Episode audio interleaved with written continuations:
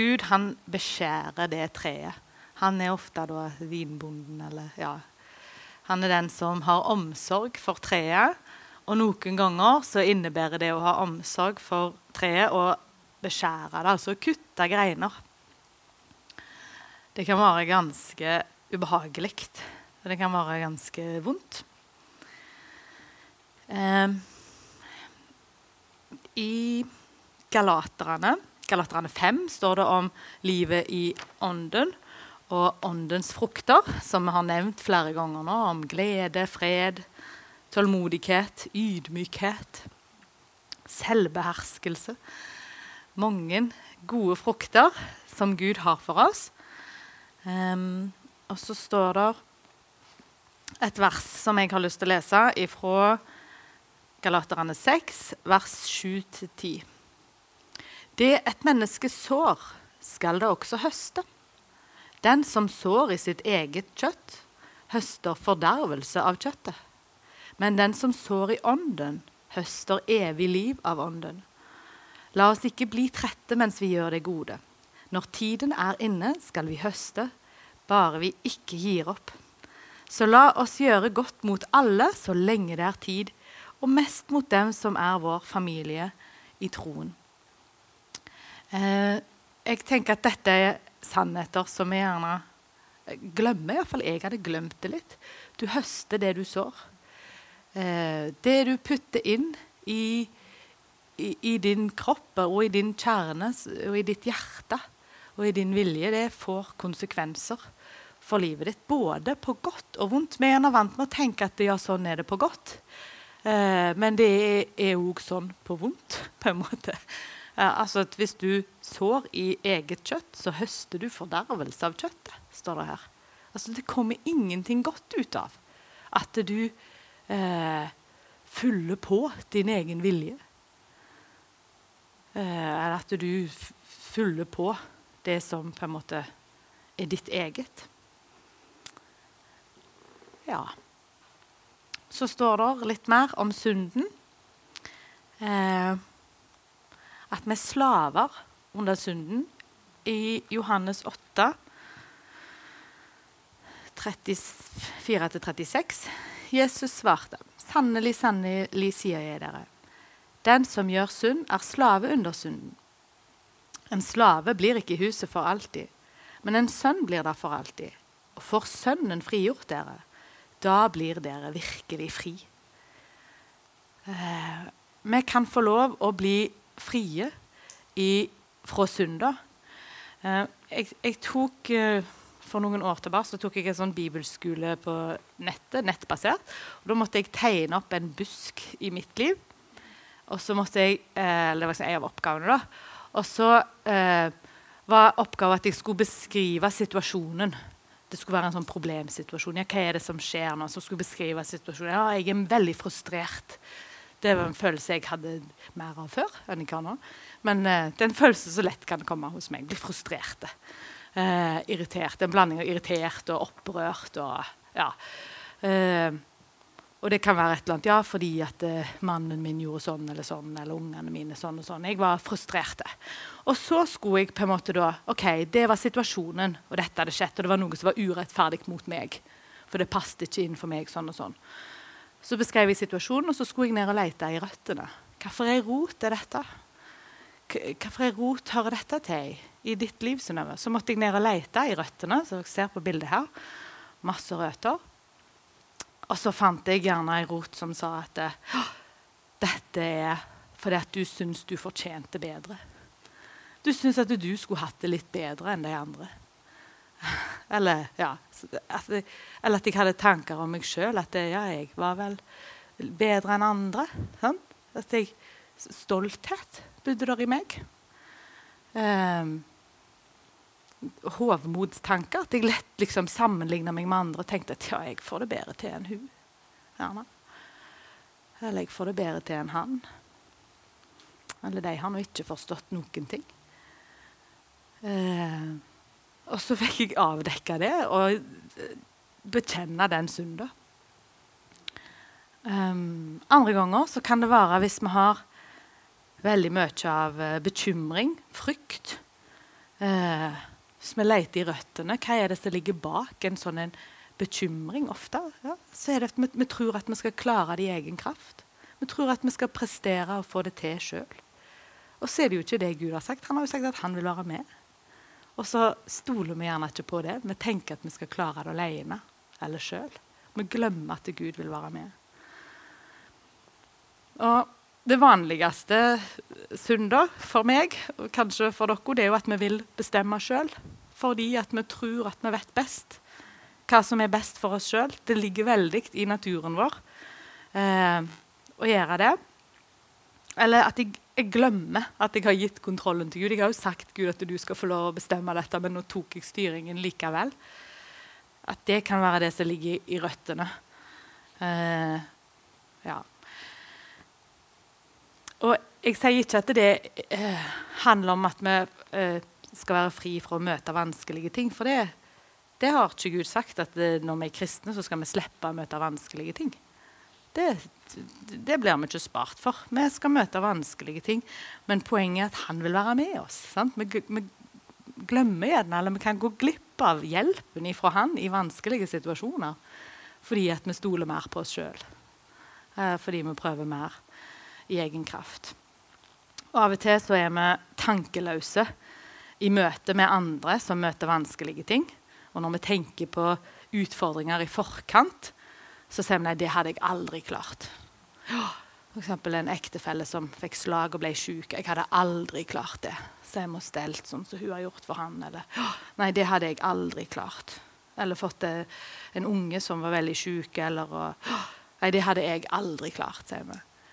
Uh, og det tror jeg er tankeløst av oss når vi sier sånn. Uh, for det første så er det sånn at uh, når folk havner i sånne utfordringer, så er det ikke noe de har valgt sjøl. De må jo bare tåle det. Og så For det andre altså Alle har sine kamper. og livet er ikke enkelt for noen av oss. det kan vi være sikre på. Men Gud kan være med og gi trøst og gi styrke og gi fred. Eh, og faktisk gi glede midt i vanskelige og elendige situasjoner. Så når vi tar Gud med i regnestykket, eh, så er det ingenting som er umulig. Ja, jeg erfarer sjøl at jeg trenger Jesus mer og mer for å klare jobben min. og for å eh, ja, for å stå i ting. For å eh, få ledelse. Jeg trenger Jesus i ekteskapet mitt. Mer og mer. Eh, jeg kan gi dere et konkret eksempel på det. Um, meg og mannen min Rudolf vi er veldig forskjellige. Uh, og når vi skal snakke om et tema, si f.eks. vi skulle bli enige om årets ferietur, hvor vi skal reise hen, så er vi fryktelig ulike personligheter. Og så er det sånn at jeg gjerne bruker mye ord og snakker fort og stiller mange spørsmål. Og så eh, tenker han før han snakker. Det er jo litt lurt, egentlig. Men, men, det tar av og til litt lengre tid før det går et svar. Ikke at han er treg heller, han er ikke spesielt treg, men eh, det er bare at jeg liksom ja, så innen han har rekt å svare på det jeg spurte om først, så har jeg stilt tre nye spørsmål. Liksom. Han, han, rekker ikke å tenke ferdig eller snakke før jeg har på en måte sagt så mange ting eh, videre. Og, eh, og dette det gir oss utfordringer, og det er jo en av ulikhetene som vi vet om. Og nå vet vi om dette, og vi har drevet sånne kurs nå i sikkert tre år og jobba med dette. Og likevel er det vanskelig for meg Og tida er stilt lenge nok til at han skal få eh, snakke ferdig. eh, og, uh, og, jeg tenker seriøst, dette er en ting jeg trenger å be til Gud om. I ekteskapet mitt. Gud, du må hjelpe meg Og tida er stilt lenge nok til at han kan få slippe til. For at det ja, og jeg tror at sånne ting kan Gud hjelpe oss med. Eh, noen ganger så svarer han med en gang. Andre ganger er dette ting som vokser over tid. Sant? Det er ikke alltid det uff, ja. eh, Men jeg tror at, eh, ja, at Gud kan hjelpe oss eh, i møte med synd. Eller i møte med vanskelige ekteskap, og på en måte at vi sjøl eh, ikke skal ta så store plass. Eh, og jeg skal fortelle dere om ei annen synd òg som jeg hadde. Eh, som jeg, en slags uvane som jeg eh, Jeg skal ikke si greit hva det var, det betyr ikke det kan være hva som helst. Men eh, først så tenkte jeg ikke at det var noe ei synd. Og så etter hvert så akkurat så viste Gud at dette er ikke helt bra for deg eh, når du gjør dette. Og så eh, ba jeg litt over det, da. Så egentlig jevnt i et halvannet år så ba jeg Gud ta vekk den stunden. Da. Unnskyld at jeg gjør det, og jeg vil slutte å gjøre det. på en måte. Eh, og så ble det ikke så litt bedre, men eh, det forsvant ikke. Eller, ja. Og det var liksom ble mer og mer plagsomt. Eh, når jeg liksom datt uti igjen, om jeg skulle sagt det. Så tok jeg mot når jeg var på et sånn litt større arrangement. Og så sa jeg til ei dame som var litt eldre, og, ja, så jeg hadde tillit til, så spurte om jeg kunne få snakke med henne. Og så fortalte jeg det til henne. Jeg bekjente min synd. Nei, men jeg, jeg, satte ord på det. Så at vet du hva, dette har jeg bedt over, og det er vanskelig for meg. Og jeg vet at det er galt. Kan du be for meg? Og så eh, gjorde hun det. Og det var utrolig godt å høre et annet menneske si Synnøve, Jesus har tilgitt deg denne synden. Eh, og så la hun ei hånd på skuldra mi, og så ba hun for meg. Eh, og etterpå det, det er fire år siden nå, så har ikke jeg vært plaget av den synda. Jeg tror ikke at det, det var magisk, og da er jeg beskytta for alltid. Det er ikke sånn. Men jeg tror mange ganger at det ligger hjelp i det, og Bibelen snakker om dette. Å bekjenne synder for hverandre. Og be for hverandre og hjelpe hverandre. Så det har jeg iallfall erfart, og det tror jeg at uh, Gud kan gjøre for oss alle. Han vil jo at vi skal bli mer og mer lik han, og han vil bøye vår vilje mer og mer etter hans vilje. Og at han kan få mer og mer kontroll i våre liv. I relasjon med den levende Gud så blir jeg heil som menneske det er da jeg kan få lov å bli det potensialet som han har tenkt for deg og for meg. Efeserne 2, 8-10. For av nåde er dere frelst ved tro. Det er ikke deres eget verk, men Guds gave. Det hviler ikke på gjerninger, for at ingen skal skryte av seg selv. For vi er Hans verk, skapt i Kristus Jesus til gode gjerninger, som Gud på forhånd har lagt ferdige for at vi skulle vandre i dem. Gjennom Den hellige ånd får vi kraft til det som loven var for svak til. Dette er Martin Luther som har sagt dette. Han sa at Kristus vant ikke bare gratia, altså nåden, for oss, men han vant òg donum, som da betyr åndens gave. Det er latin, tror jeg, disse begrepene.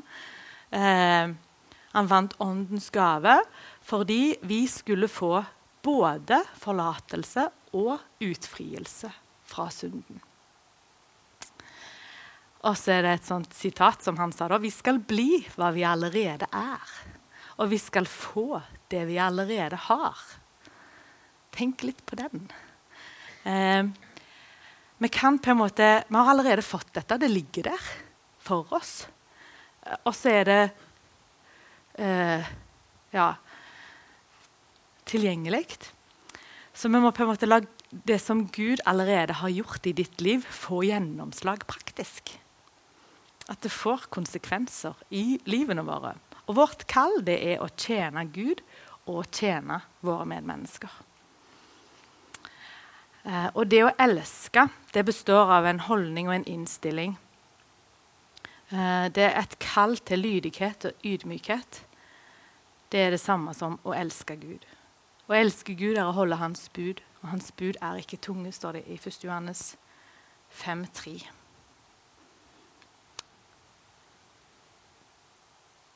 Ja, og i Johannes 14, 23, Jesus svarte den som elsker meg, vil holde fast på mitt ord, og min far skal elske ham, og vi skal komme og bo hos ham. Det handler faktisk ikke om deg. Utropstegn. Det er den første setningen i den boka 'Målretta liv' som han Rick Warren har skrevet. Hvis ikke noen har lest den, så kan de notere ned den. Det er en veldig utfordrende, bra bok. Å gi sitt liv til Gud, hva innebærer det? Å gi kroppen sin, gi tankene sine, gi følelsene sine. Hva kan det innebære? Eh, av og til så tenker vi gjerne på kroppen vår som mindreverdig. I 1. Korinterne 6,19 står det at kroppen din er et tempel for Den hellige ånd. Jeg tror at Gud vil at vi skal være gode mot kroppen vår. For Gud vil at vi skal være snille med kroppen vår. Han har gitt deg den kroppen, og han vil at du skal ta vare på den. Um, I tankene våre så tror jeg at det, i hvert fall jeg, vi legger gjerne begrensninger på oss sjøl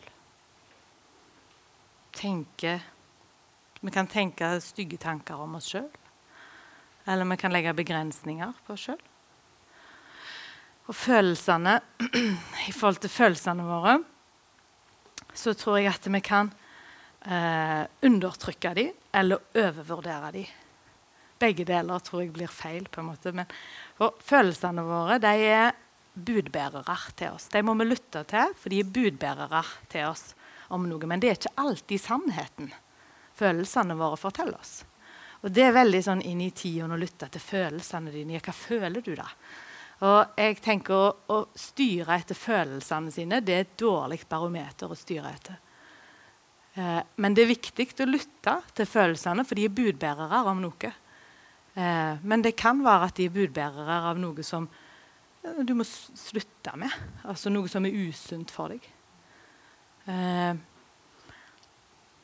så det tror jeg er viktig, og på en måte hvordan en skal tenke og forstå sine egne følelser. Man skal ikke undertrykke dem og si at ting er forbudt. Eller, ja, det er viktig å ta følelsene sine på alvor og høre hva er det de sier til meg. Eh, men heller ikke overvurdere de og styre etter de når følelsen sier sånn, så må jeg jo det eller det. Eh, handlingene våre, tidsbruk, hvordan bruker vi tida vår? Eh, jeg har tatt med et sitat av en David Kvebekk, som jeg syns er veldig bra sagt. Han sier det er smertefullt å ikke være sentrum i sitt eget liv.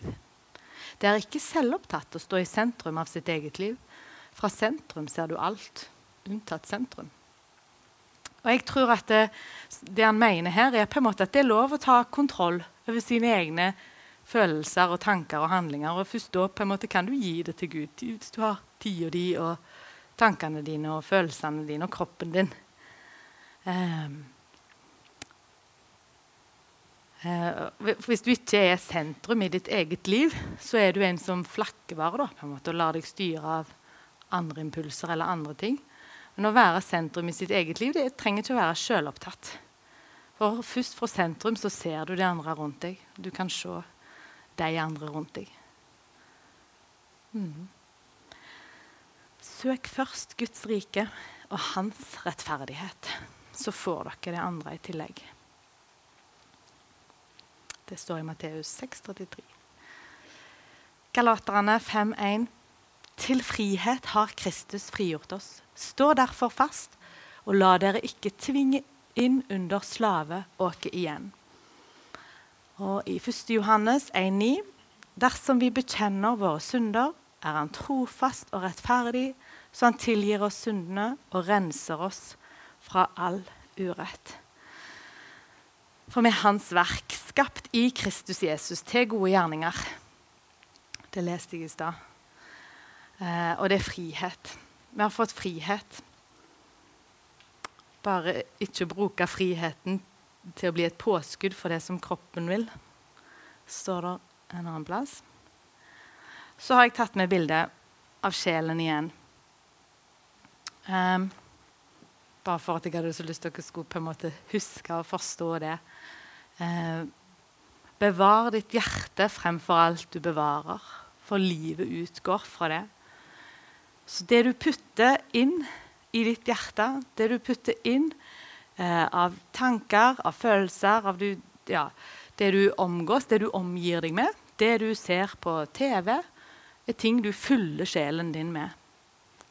Og så får det konsekvenser for dine tanker, dine følelser. Eh, og for hvordan du ser på din kropp. Hvordan du forstår dine sosiale relasjoner. Eh, det påvirker oss, enten vi vil det eller ikke, det som er rundt oss i verden. Og jeg tror derfor at det er viktig at vi tar til oss av det som påvirker på en god måte òg. At vi må ta til oss av Guds ord, og at vi lytter til At vi nok stille til at vi kan lytte til hva Han vil si til vårt hjerte, til vår ånd, til vår vilje. Sånn at det er det som kan få prege tankene og følelsene våre. At vi kan få lov å tenke gode tanker. At vi kan få lov å kjenne glede og fred. Tålmodighet eller ja De tingene. Åndens gaver. Og at vi kan få lov å kjenne at vi er trygge på at eh, vi kan være gode mot kroppen vår. Og at vi kjenner at vi har krefter til å gi i de sosiale relasjonene vi står i. Uh, at Gud vil være med. Det er et veldig fint vers fra Salme 19, vers 15, som har vært veldig godt for meg. Og som har vært en slags sånn, fantastisk bønn, eller et ønske. Det står i Salme 19, vers 15.: Måtte mine ord og hjertets tanker få være til glede for deg, min gjenløser og min klippe. Jeg synes Det er fantastisk når jeg oppdagte det og tenkte at ja, wow, tenk at det er sånn. At mine ord og mine hjertets tanker kan få lov å være til glede for Gud. Tenk at det er mulig. Det, er ikke, det trenger ikke å være så skittent og svart og syndig inni oss hele tida. Eh, for vi får tilgivelse, og vi får kraft, og han kan få lov å prege vårt indre. Sånn at eh, hjertets tanker kan være til glede for han. Jeg, jeg kan ikke se for meg noe bedre enn det. Enn å være i den tilstanden. Og la mitt indre menneske få være til glede for Gud. Tenk det, å få lov å be om det og ønske å leve så eh, gjennomsiktig med livet sitt. Dette er det siste bildet jeg har. Hvile for sjelen. Matteus 11, 28-29. Kom til meg, alle dere som strever og bærer tunge byrder, og jeg vil gi dere hvile. Ta mitt åk på dere og lær av meg, for jeg er mild og ydmyk av hjerte. Så skal dere finne hvile for deres sjel. For mitt åk er godt, og min byrde er lett. Det er det som skjer når vi gir kontrollen og viljen til Gud. Eh, så selv om det er et åk her, sant, og vi skal være med og gjøre noe, eh, så er det likevel hvile for sjelen. Det er godt å være der. Ja, skal vi be? Gode far, takk Takk for at du, Herre, sendte din sønn Jesus, og at han har kjøpt oss fri, og at vi kan få lov å være frie. Og takk at vi kan få lov å være dine barn, og at vi kan få lov å stole på deg. Takk for at vi kan få lov å gi hele vår sjel til deg, Herre. Takk for at du tar imot, og at du vil lede oss, at du vil det som er godt for oss, Herre. Takk for at vi kan få stole på deg selv om det er stormer og ting kan være ubehagelig og vanskelig rundt oss, Herre. Og om det er mye vondt, så vet vi at du vil være med. Takk for det. Og Herre, jeg ber om at eh, du må ta deg av hver en av oss her inne nå, Herre. Du ser oss, og du ser hjertene våre. Takk for at du tar imot oss. Takk for at du renser oss, og takk for at eh, nåden din gjelder. Og takk for at vi kan få lov å hvile. Takk for at du vil ta deg av sjelen vår. At du vil ta deg av hjertet vårt, og at du vil at vi skal ha det godt. Både i hjertet og i tanker og følelser og i kroppen og i de sosiale relasjonene våre. her. Takk for at du vil lede oss. Vi ber i Jesu navn. Amen.